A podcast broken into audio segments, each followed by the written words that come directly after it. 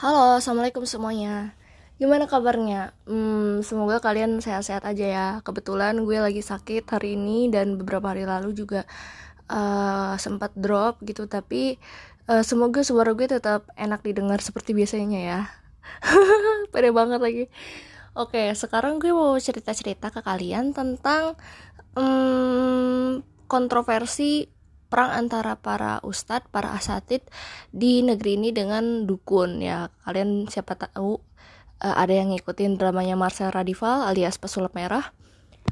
Ya, uh, pertikaian dan kontroversi yang terjadi uh, antara dua kubu ini sangat-sangat uh, menarik untuk gue bahas karena kebetulan gue pernah uh, menemukan satu sosok yang unik di dalam hidup gue yang berhubungan dengan perdukunan perdukunan ini. Oke, jadi uh, sebelumnya gue nggak tahu ya uh, bat, mana batas-batas uh, ru'yah syari dan batas-batas yang ru'yah yang nggak syari uh, menurut agama Islam itu seperti apa. Setelah uh, lulus dari pesantren saya baru tahu gitu ketika aku uh, nonton podcast podcast Ustadz Faizar kemudian ikut kajiannya Ustadz Faizar beberapa kali. Oh ternyata ada batas-batas tertentu yang mengklasifikasikan yang mem yang membedakan antara uh, rukiah syari dan rukiah tidak syari. Rukiah tidak syari itu biasanya ya uh, ujung-ujungnya malah membuat si sakit menjadi semakin sakit. Kemudian uh, dalam prosesnya dia dia itu bisa minta tolong dengan jin uh, minta tolong dengan perantara jin dan lain-lain itu uh, satu hal yang termasuk ke dalam kesyirikan. Tapi uh, aku tuh baru bener-bener yang kayak baru bisa ngebedain gitu. Ketika aku udah lulus pesantren padahal pas aku di pesantren tuh harusnya dibahas ya harusnya dipelajarin. Tapi sayang banget di pesantren aku tuh nggak ada yang khusus untuk ngebahas tentang rukyah syari dan rukyah nggak syari. Yang kita tahu adalah setiap kali setiap kali dan uh, ketika ada yang kesurupan yang penting bagi ustadz aja dulu gitu. Kita nggak tahu caranya rukyah even setiap santri itu nggak tahu apa yang harus dibacain ketika ada rukyah itu apa. Padahal ya tersebar ya di mana aja. Uh, mau mau rukyah tuh ya ada. Uh, ayat-ayat rukyah itu mudah banget dibaca gitu ya. Di di Google juga nanti keluar gitu ayat rukyah syari gitu kan di berapa uh, di ayat berapa berapa. Tapi kita nggak tahu dan setiap kali ada yang kesurupan kita nggak tahu mau baca apa. Demi kayak yang penting panggil usah dulu panggil usah dulu. Padahal bisa ya sendiri gitu. Dan kita tuh setiap kali ada yang kesurupan ya bahkan ada yang iseng gitu diajak ngobrol setannya lah. Beneran diajak ngobrol dia tuh lagi ke teman aku lagi kesurupan. Itu tuh kita diajak kita ajak ngobrol dia kamu dari mana? Asal dari mana? Terus uh, kamu kenal sama dia dari mana? Sama sama si temanku yang kesurupan kayak kita tuh asik banget gitu kayak so paling berko apa ya so paling bisa ngadepin setan ya. Tapi emang begitu sih kita nggak boleh nggak boleh ngerasa rendah ya di hadapan jin. Karena uh, memang sudah kodratnya kita tuh nggak boleh takut sama jin. Dan lembut seperti itu ya. Lembut bisa kan bahasannya. Oke okay. uh, eh, setelah pokok uh, setelah lulus pokoknya ya. Di situ tuh Uh, dan ketika gue mantengin drama antara Ustadz dan dukun ini berantem duar gitu kan meledak. Gue keinget sama satu Ustadz yang tentunya nggak bakal gue sebutin namanya di sini. Salah satu Ustadz di pesantren gue yang selalu menjadi rujukan setiap kali ada sesuatu yang terjadi di asrama putri yang berkaitan dengan makhluk halus Siapakah beliau? Ya tentu saja uh, untuk para teman-teman pondok gue pasti udah pada tahu ya beliau siapa. Tapi di sini uh, gue nggak bakal sebut nama beliau siapa. Jadi uh, kebetulan temen gue ini ada yang masih uh, apa ya ayah ayahnya atau orang tuanya itu masih deket sama ustadz ini. Jadi setiap kali jenguk kadang-kadang sering uh, gelar lapaknya itu gelar tikarnya terus uh, makan-makan segala macam bercengkramanya itu di area ustadz ini gitu. Dan terus um, ya otomatis temanku juga suka cerita-cerita tentang beliau gini. Nah aku baru tahu bahwa ternyata si ustadz A katakanlah uh, Ustadz A ya gitu ya. Si Ustadz A ini jago banget ru'yah jago banget ngusir setan jago banget ngusir jin gitu dan setiap kali ada yang kesurupan pasti panggil beliau untuk pertolongan pertama. Nah uh, tapi uh, ternyata um, bukan cuma sampai di situ gitu loh batas kemampuan beliau. Sampai akhirnya aku tuh di kelas 5 aku diajar uh, tafsir apa ya ini? Sebentar ya aku lihat kitabnya. Aku masih ada nih kitabnya di kosku aku bawa nah tafsir ayatul ahkam. Dulu tuh aku belajar kitabnya tafsir ayatul ahkam ya uh, sama beliau. Nah di sini aku uh, sambil diajar beliau kadang-kadang beliau juga suka cerita gitu tentang pengalaman-pengalaman uh, masa lalu beliau. Katanya beliau tuh uh, pernah menga, uh, menjalani gitu ya menjalani puasa mutih. Ada yang tahu nggak puasa mutih teman-teman jadi puasa mutih itu kalau bagi yang belum tahu puasa mutih itu kayak bener-bener kayak sekitar tujuh hari tujuh malam cuma makan sesuatu yang putih atau bening. Jadi kelapa boleh nasi boleh uh, garam nasi garam kelapa. Biasanya kelapanya yang udah direbus atau dikeringin aku nggak tahu. Terus air putih udah gitu doang. Kalau putih-putih lagi aku kurang tahu ya putih-putih lagi yang bisa boleh dimakan tuh apa gitu. Tapi bener-bener cuma makan uh, cuma puasa mutih aja. Nah terus menurut aku oh puasa mutih ih beliaunya keren ya sampai sampai pernah puasa mutih gitu.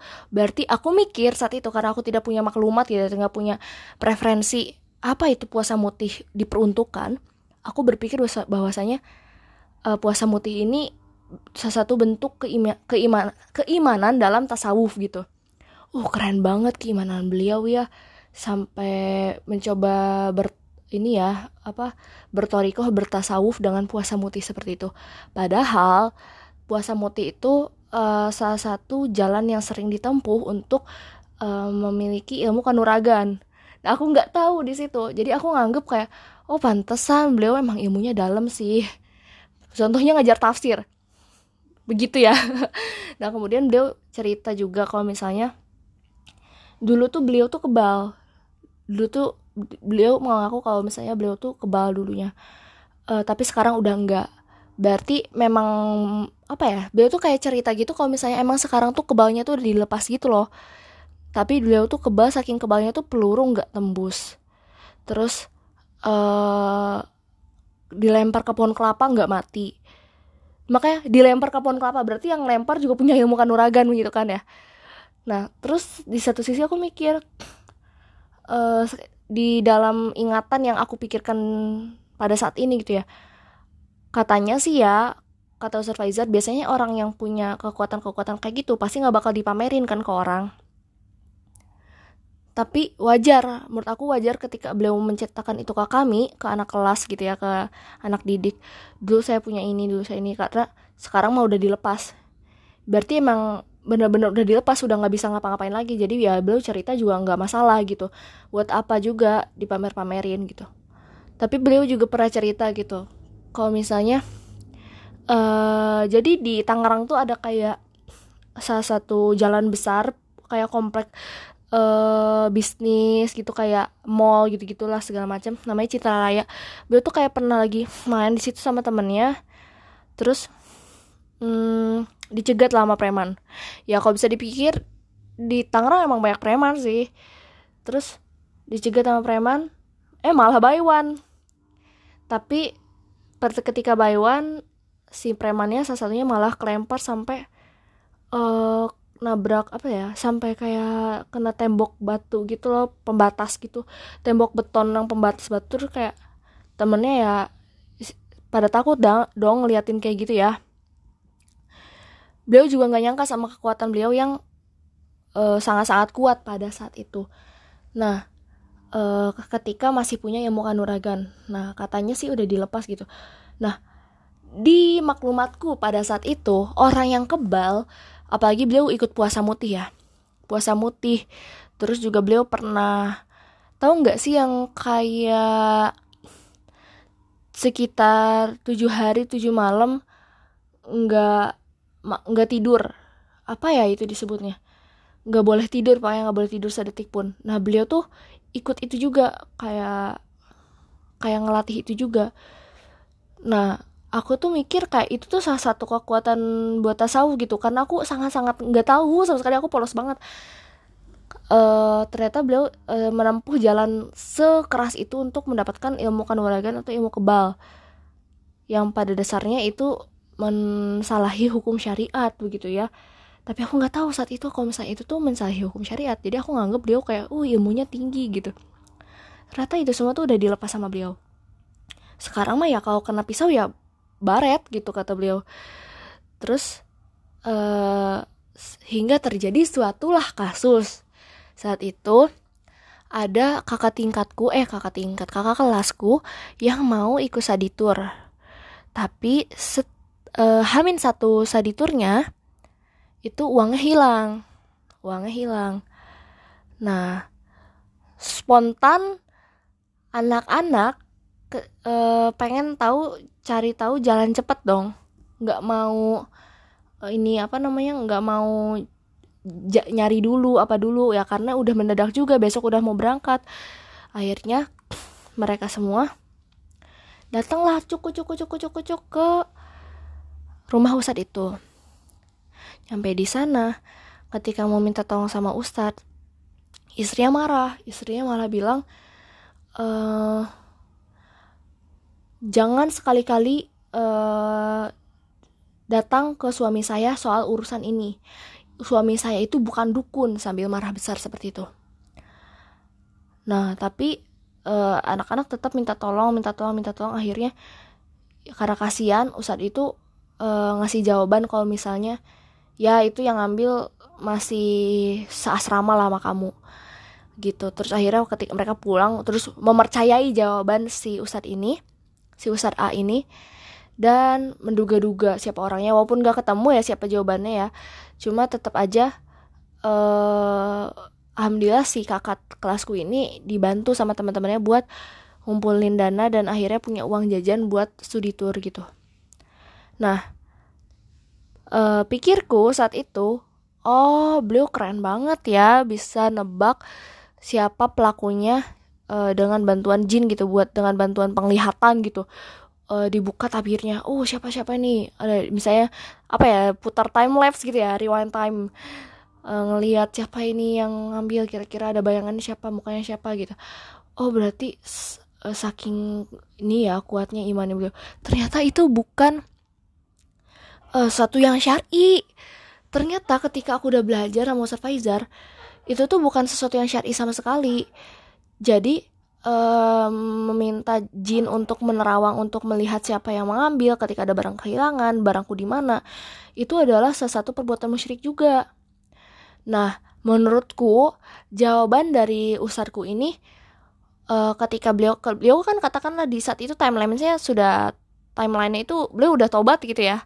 Karena beliau bilang ini udah nggak kebal lagi saya kayak gitu. Kalau dia dipisa, dipisauin juga ya berdarah baret gitu. Beliau menurut aku saat itu ketika memberikan jawaban seperti spontan seperti itu beliau nggak melakukan effort apa apa untuk menerawang. Menurut aku cuma firasat aja kayak ya iyalah paling diambil sama anak gedung lo gitu kan. Sama anak asrama lo gitu. Dan ternyata ternyata ternyata kalau nggak salah iya sih diambil masih sama uh, pelakunya itu masih masih sang masih seasrama lah sama si korban. Tapi aku nggak tahu itu benar apa enggak gitu ya. Nah eh, kebodohnya aku aku tuh eh, mengiyakan aja. Dan sekarang aku paham maksud dari si istrinya ketika marah tersebut. Jadi eh, istrinya sini sudah paham gitu mana batasan yang syari mana yang nggak syari. Mana yang boleh dibolehkan uh, dalam Islam ru'yah dalam Islam yang syari mana yang tidak syari. Nah ketika meminta menerawang barang yang hilang itu itu tuh hal yang tidak syar'i sama sekali makanya istrinya marah. Nah aku tuh berharap banget ya semoga uh, ada kurikulum di pondok atau mungkin terserah uh, pembekalan kayak atau apa uh, masuk ke dalam kajian biasa juga nggak apa-apa gitu ya. Bahwasanya mana ru'yah yang syar'i mana ru'yah yang gak, yang gak syar'i gitu. Karena uh, menurut aku sampai saat ini pasti uh, si Ustadz A ini masih jadi uh, apa ya masih jadi pusat perhatian ketika pusat pertolongan pokoknya menjadi pertolongan pertama lah. Ketika ada apa-apa yang berbau tentang lembut tentang makhluk halus uh, di asrama putri aku berharap banget semoga beliau diberi uh, kemudahan gitu ya sama Allah diberi pertolongan untuk uh, kembali kepada jalan syariat kembali kepada ru'yah syari dan meninggalkan hal-hal yang berbau uh, kesyirikan seperti itu. Ya karena kasihan juga ya. Nah jadi selain daripada semoga ustadku dikuatkan ini semoga juga uh, santri-santri kami yang nggak polos-polos amat semoga suatu saat uh, anak-anak santri kalau hilang barang yang cari dulu ya at least lah. Nggak nggak uh, mengandalkan minta tolong di terawang minta tolong di terawang. Ya emang Rasulullah kayak gitu. Kalau kalau lucunya tuh gini ya aku pernah cerita tentang hal kayak aku agak setengah percaya sama orang kebal gitu ke uh, setelah menyaksikan kesaksiannya guruku. Aku cerita ini tentang uh, hal ini ke ayahku gitu. Uh, pah uh, masa ustadku ada yang bla bla bla bla bla bla gitu. Kak di sini tuh di dunia ini gak ada yang kebal. Rasulullah aja di medan perang giginya patah dua. Masa kita yang bukan siapa-siapa mau sosokan kebal dipukul nggak mempan eh, dilempar nggak mati e, ditembak pistol nggak nembus. Emang kita siapa? Rasulullah aja yang orang yang paling dicintai sama Allah di bumi di muka bumi Holilullah kekasih Allah aja ketika e, perang patah dua giginya. Kita mau sok kebal kayak gimana? Aku langsung mikir oh ini logika yang sangat sangat sederhana tapi e, masuk gitu ya untuk uh, me memangkas semua kepercayaan aku kepada bahwa orang yang benar-benar kebal dan sakti itu memang ada gitu. Dan mungkin uh, di saat ini yang tersebar di media sosial gini-gini kalau misalnya orang yang mengaku kebal bisa santet bla bla bla. Menurut ya itu orang-orangnya hanya melakukan trik-trik penipuan palsu ya seperti apa yang diungkap oleh pesulap merah begitu. Ya mungkin itu sih yang bisa aku share ke kalian. Kalau kalian mungkin ada cerita lain tentang ada ustadz yang pernah mantan ilmu kanuragan juga. Jadi lucu gitu ustadz aku ini. Beliau pernah kanuragan uh, pernah jadi orang kebal pernah punya banyak uh, koneksi dengan jin tapi uh, ngajar tafsir kitabnya kitab ini lagi kitab bagus gitu maksudnya kitab langsung dari timur tengah gitu. Ngajar kitab tafsir uh, ayatul ahkam gitu ke di kelas aku sampai itu tiga tahun sama tiga tahun ngajar kitab itu yang kitab yang sama gitu dalam tiga jilid. Menurut aku ini unik gitu. Jadi uh, antara apa ya orang-orang nggak tahu kalau misalnya hal-hal yang pernah beliau lakukan di masa lalu itu kesyirikan dan uh, kita tuh dengan polos menerima bahwasanya itu hal yang wajar. Jadi uh, kan ini kan membangkitkan semangat semangat yang kayak oh suatu saat aku bisa jadi belajar ilmu kebal gitu. Uh, kayak usat ini. Toh tetap uh, beliau aman-aman aja kan beliau tetap ngajar beliau tetap sholat seperti biasanya. Itu kan perlu ada pelurusan ya. Ya jadi menurut aku kalian sekarang yang masih abu-abu uh, banget masih nggak ngerti mana ru'yah syari mana yang uh, palsu, mana yang dengan bantuan jin dan batas-batas mana saja kita bisa meminta pertolongan kepada ahli agama itu mendingan kita mulai belajar dari, dari sekarang. Karena emang se random itu dunia ini kita nggak bisa duga apa yang pernah uh, dipelajari oleh orang-orang yang terlihat hebat di depan kita begitu jadi kita at least kita punya uh, referensi, kita punya maklumat untuk uh, nanti kita tuh bisa selamat gitu dalam uh, mengobati diri kita sendiri ataupun keluarga. Oke, okay, that's all. Uh, thank you for uh, for your time uh, dan thank you banget aku udah bisa sharing di sini. Uh, nanti kita bisa ketemu lagi lain waktu. Semoga kalian sehat selalu. Thank you for listening me. Assalamualaikum warahmatullahi wabarakatuh.